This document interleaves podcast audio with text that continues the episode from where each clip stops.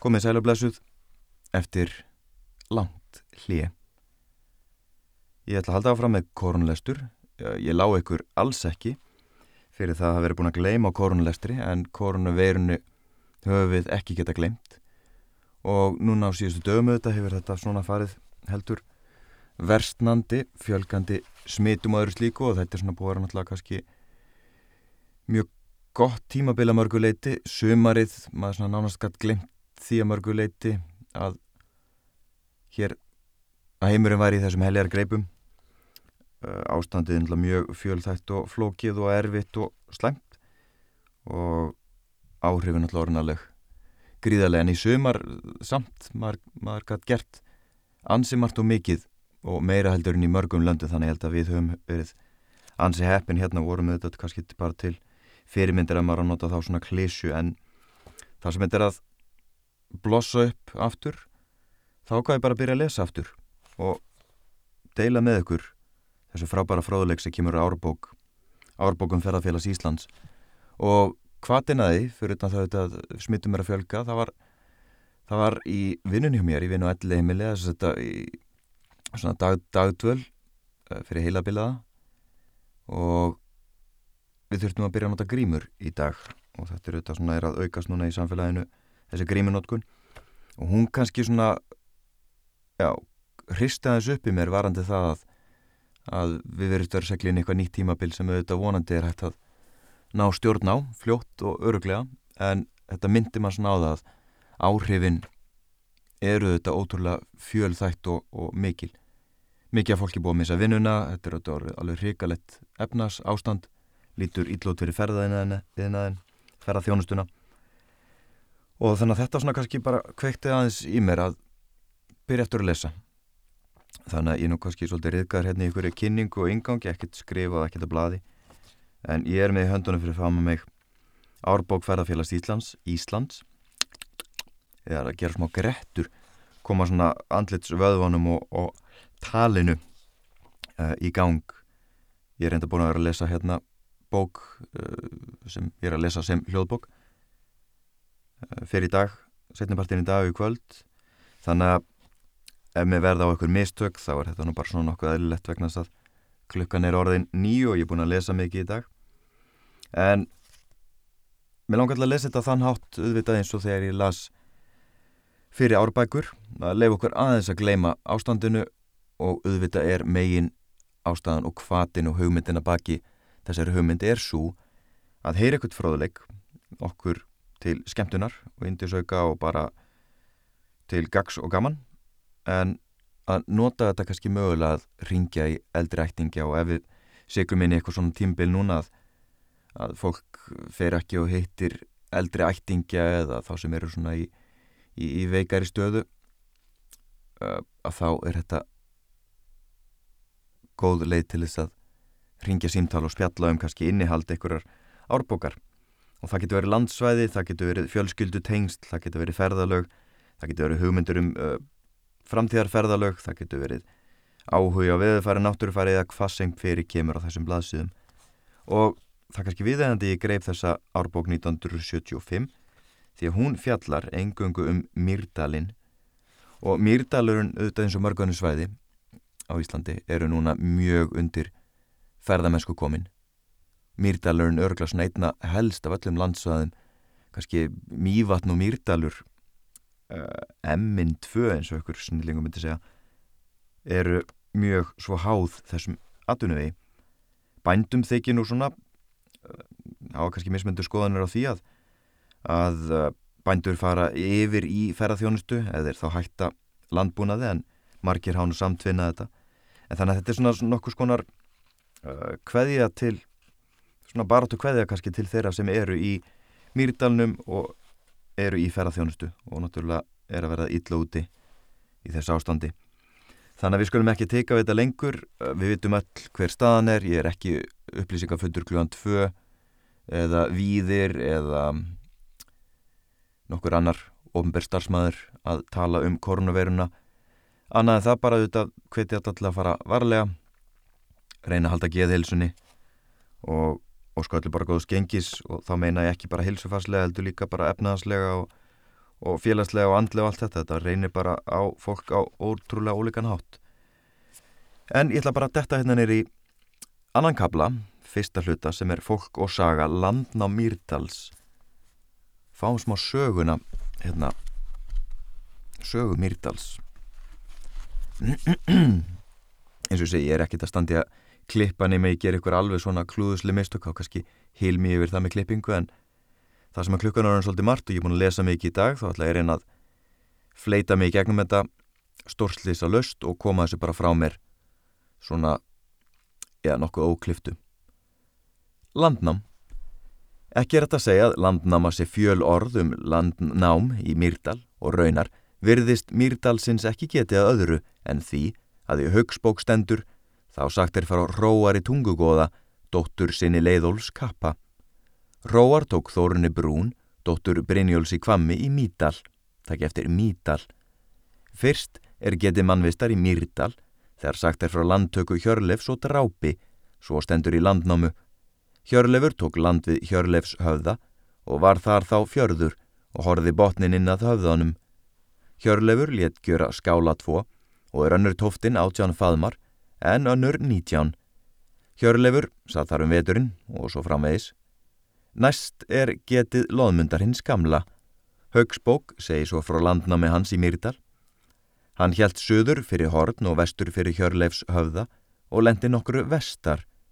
Hann namn þar land sem súlurnar höfð á land komið og á millu hafurs ár og fúlalækjar, það er nú Jökulsá og Sólimasandi.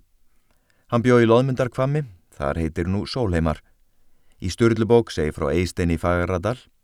Eistein hétt maður, són Þorsteins Drangakarls. Hann fór til Íslands af Hálógalandi og braut skipsitt en meitist sjálfur í viðum. Hann byggði Fagradal en Kjerlingu eina raka af skipunu í Kjerlingar fjörð. Þar er nú höfðár sandur. Ölfir, sonur Eistens, nam land fyrir austan Grímsá. Þar að engin maður þóra land að nema fyrir landvættum síðan Hjörlefur var drepin. Ölfir bjó í höfða, hans son var þórrenn í höfða og svo framvegis. Segmundur Kleikir, sonur önundar Bílds, nam landmyndli Grímsár og Kjerlingar ár, er þá fjall fyrir vestan höfða. Frá segmund eru þrýr biskupar komnir, Þorlagur og Pall og Brandur. Þorlagur og Pall og Brandur. Ekki er þess getið, er sagt er frá landnámi segmundar, hvað bær hans hafi heitið, en þar sem sagt er frá flutningi Moldagnúps, segir svo í Sturlubók.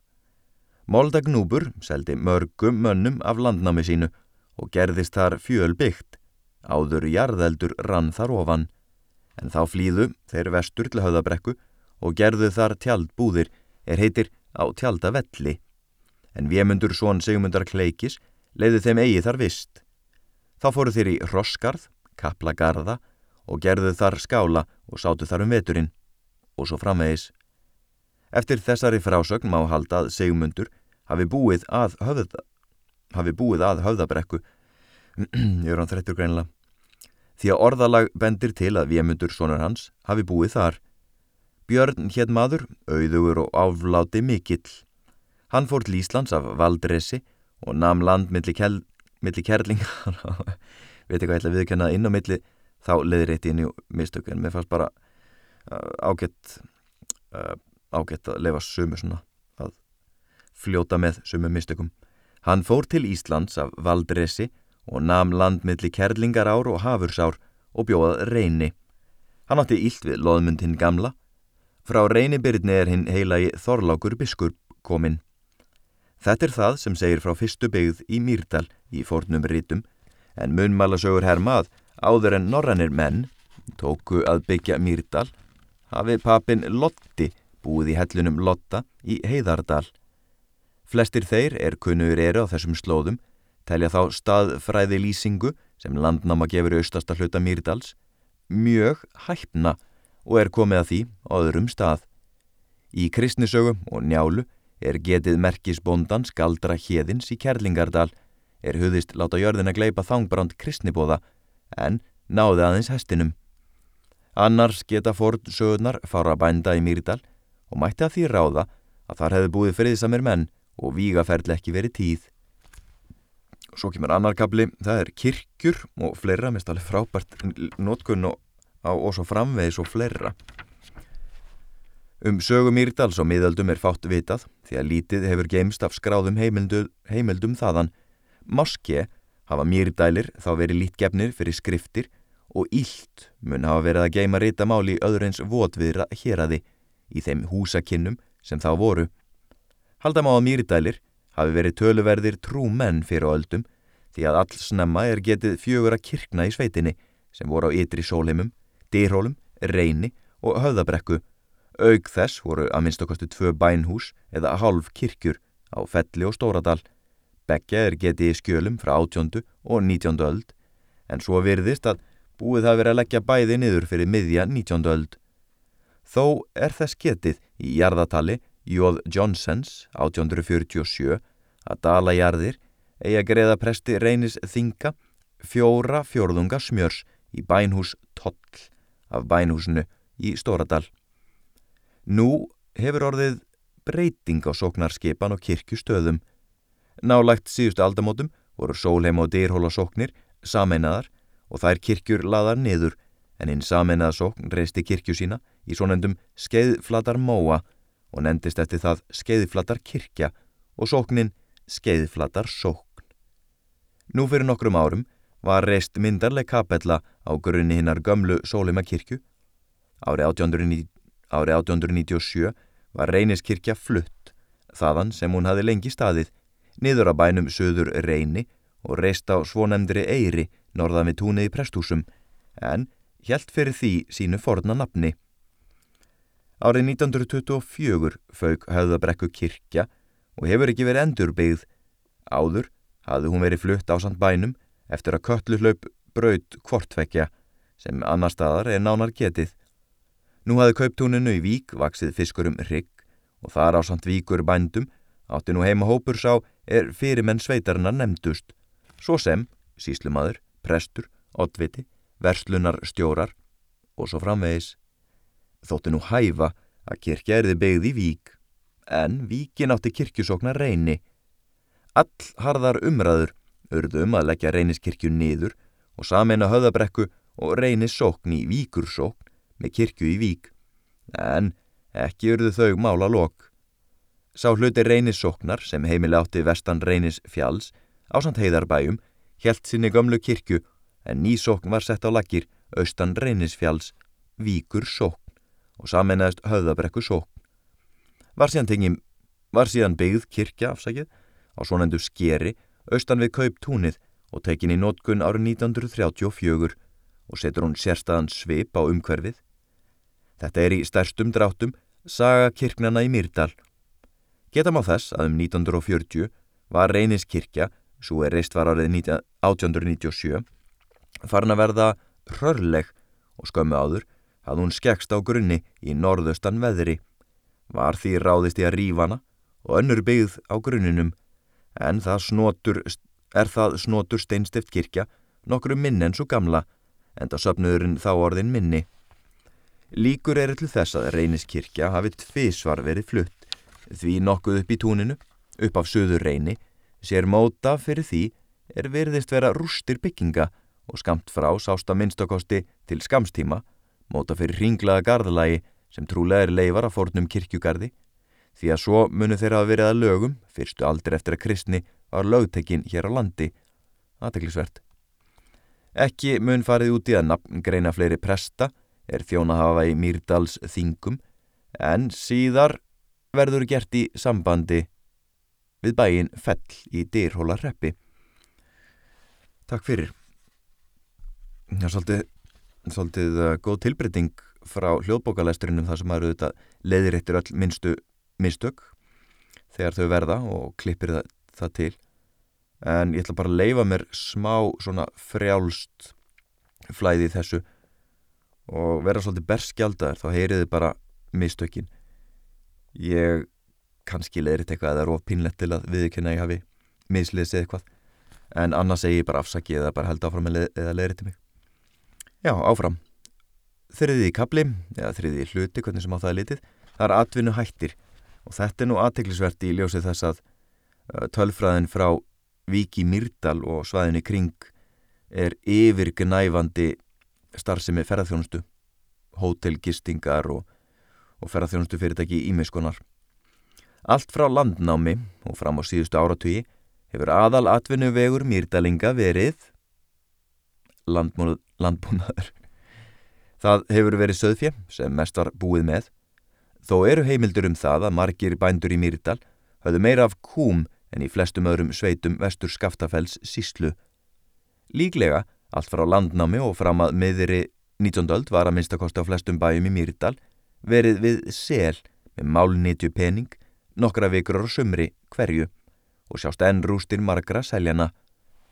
Fráfærur heldust hér í Mýrdal nokkuð fram yfir 1920 en ekki var það á nærri öllum bæjum sem svo lengi helst að færa frá ánum. Framöndar aldamóti 1900 var sá búskapar þáttur við líði að stíja sem kalla var, þar að segja þegar liðnir voru þrjár, þrýð til sjö dagar frá því ærnar báru, voru þar reknar í stekkin, nokkus konar rétt að kvöldinu og lömpin tekin undan þeim og byrð á öðrum stað. Svo voru ærnar mjölkaðar að morgni áður en lömbunu var hleyft til þeirra. Sumir hafðu þann síð að mjölka ekki nema annan spennan ánum en láta lampið hafa hinn óhreyfðan. Þessu var haldið áfram til fráfærna um tíundu sumar helgina. Sögða eign laðist að mestu niður um 1920. Ára 1903 var rest rjómabúfi Dildará. Var það fyrir allan Mýrdalinn. Þánga fluttu bændur rjóman og úr honum var þar svoni smjör sem fram að fyrir heimsturöld var að mestu flutt út til Danmerkur.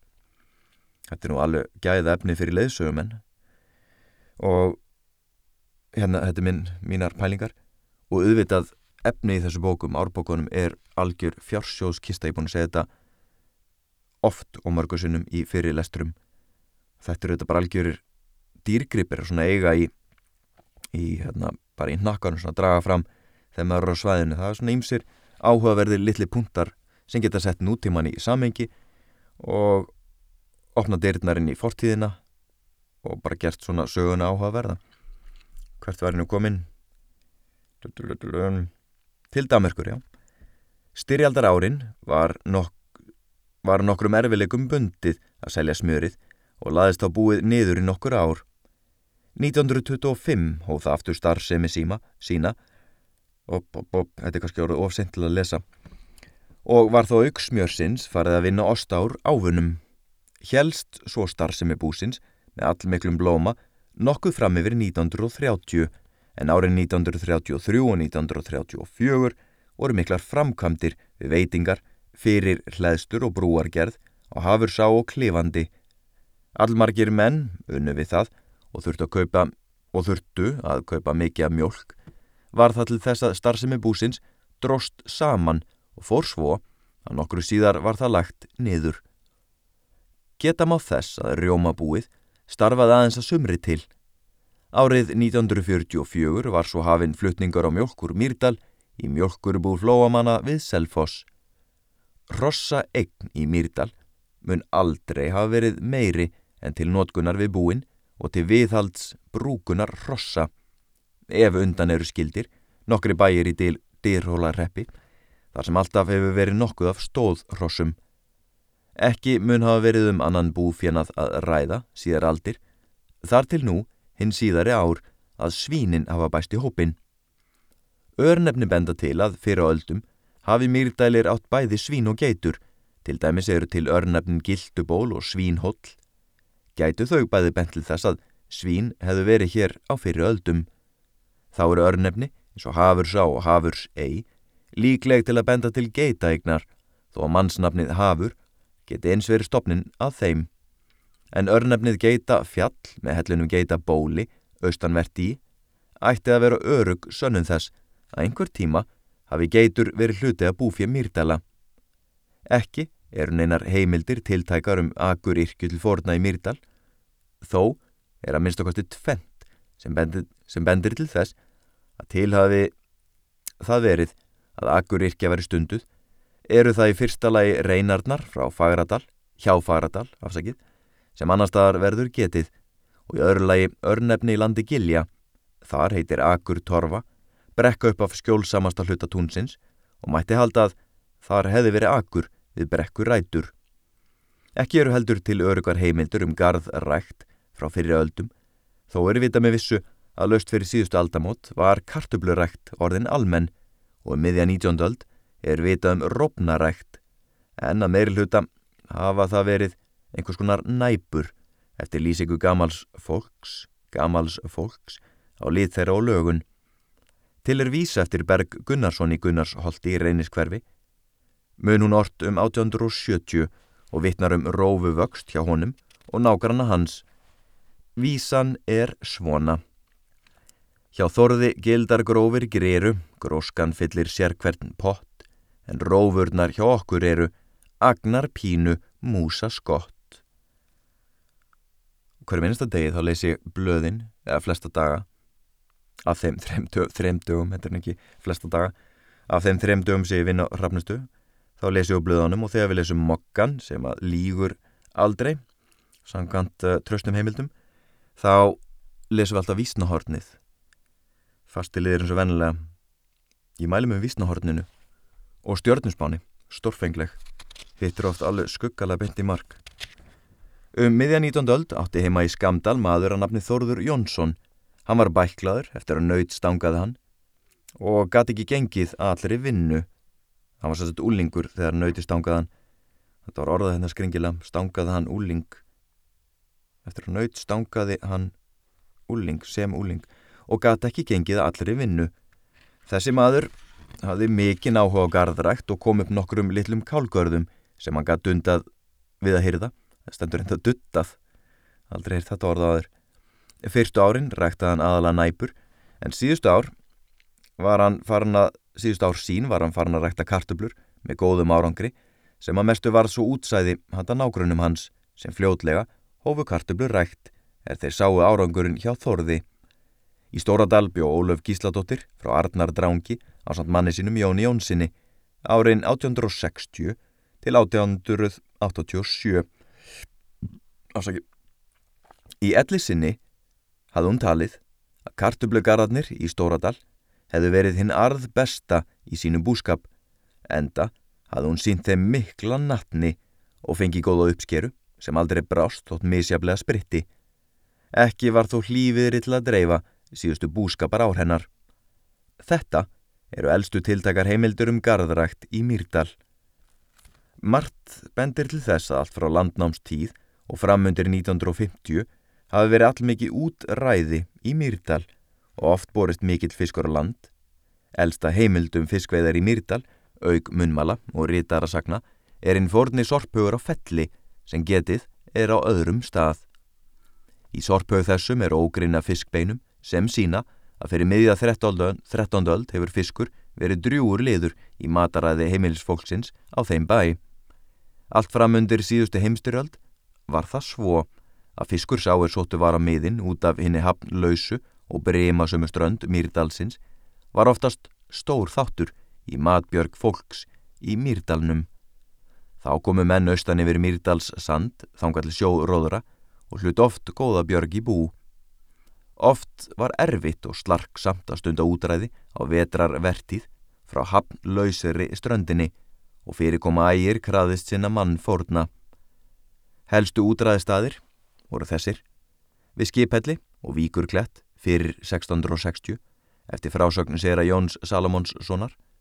Síðar var það í vík austan Reynisfjalls, vestan fjalls í Reynishöfn, vestan við Dyrhólei í Dyrhólahöfn, söður að Pétursei á svonendum Mel og síðar Marju hliði, Máriu hliði, vestan Jökulsár á Sólima Sandi. Skipin voru yfirleitt stórir áttæringar sem notaður voru til róður á vetrarvertíð, en að voru og sumri var sjór nokkuð stundar á smæri bátum, oftast sexæringum sem vennulega voru nefndir vorbátar en stærri skipin gerna nefnd vertíðarskip. Ekki er rúm til að segja nánar frá sjósókn mýrdalenga á þessum stað. Lítilsáttar sílungsveiði hefur lungum verið í mýrdal, aðalegi heiðarvatni og dýrhól og ós, en lítill þáttur var það í atvinnuháttum hérasbúa. Nú hafa tveir, nú hafa tveir framtaksamir menn hafi lagsa rækt í Vassá, Vatnsá í Heiðardal en stutt er afsagt og árangur ekki komin í ljós. Heyra, þetta er kjöru tækifæri. Þetta er efni símtals eða þekkið ykkur ættingja sem er úr Mýrdalum, eldri ættingja sem hafa verið upp á sitt besta kringu 1975 eða fyrr. Akkur ekki slá á þráðin og spyrja um þessa, þessa lagsa, þessa, þetta lagseldi. Önnur matfanga öblun setti töluverðan svip á lífið í Myrdal að hverju áliðinu sumri frá miðri 19. öld. Ég ætla að hafa smá þögn og leifa ykkur, leifa ykkur að giska. Ég er að gretta með hennar meðan þið giskið. Hugsið. Handa, halda hérna andlitsveðunum og öllu í kringum munin og kjálkan. Svona reymanlegan, ég geti haldið áfram að lesa. Reyns aldrei þreytur. Já, eru komið með þetta. Það var fílatekjan og þá sérstaklega fíl unga takan úr björgunum því að eftir að fíl fór að verpa í stórum, mýr, stórum stíli Mýrdal var síð í flesta þá hamra sem hann hafi tekið heima í og ungin tekin á bælunum í þann mund sem hann var að byrja að verða fleigur en það var í átjöndu sumar viku.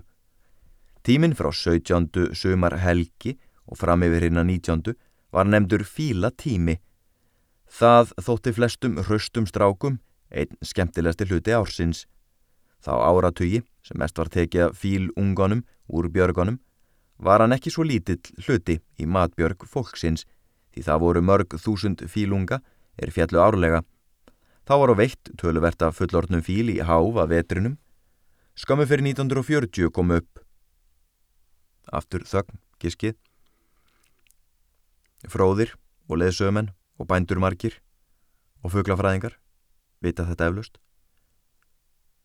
Skömmu fyrir 1940 kom upp pest í fílnum í færium sem síkti ennfremur fólk, leið ekki á laungu áður en pestar þessarar varð vart í Vesmanum og fór þá svo að því háa alþingi bannaði alla fílaveiði.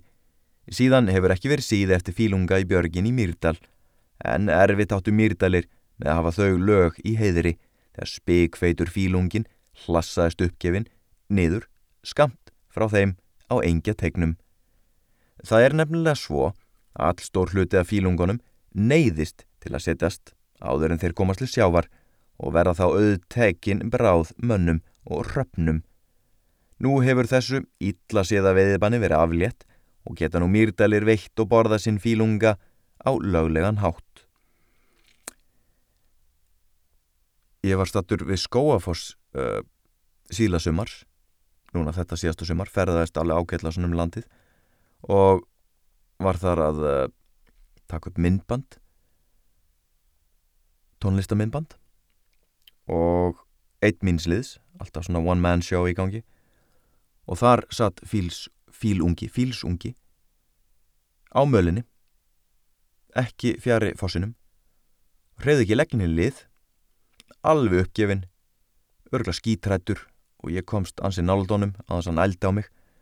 Og það var eiginlega bara skrítið að sjá að hann virtist ekki átt að sjá því að áinn var þarna rétt hjá og myndi flytja hann örugan út á haf.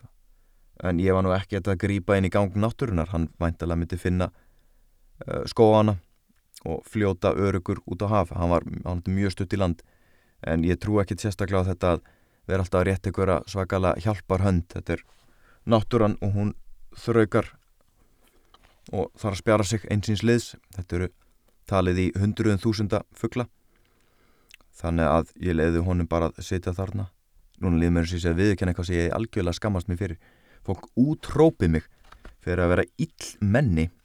En ég svo að geta tekið fugglin líka og haft hann í matin þannig að þá hefði kannski viðbröðin verið önnur en það er ekki margir sem hafa list á fílnum og ég held að séu fásvæði þar undir eigaföllum það er eitthvað að borða á honum. En annars held ég að þetta hef ekki komist á matseðil veitikastæði Reykjavík. Heyriði, þetta er ekki langulestur í kvöld. Ég er árin eiginlega bara döðþreyttur á að lesa. Búin að lesa heilan helling í dag af ímuskonar efni. Og já, ég ætla með svolítið sorg þá býði ykkur velkomin aftur því að Ég les þetta engöngu vegna þess að koronaveran er enn í gangi og er enn að hafa áhrif á líf okkar á ólíkan hátt. Verðum öll fyrir ólíkum áhrifum og þetta versta áhrifin eru þeir sem að kannski veikjast þeir sem að veikjast alveglega og þetta þeir víða um heim sem hafa látið lífið.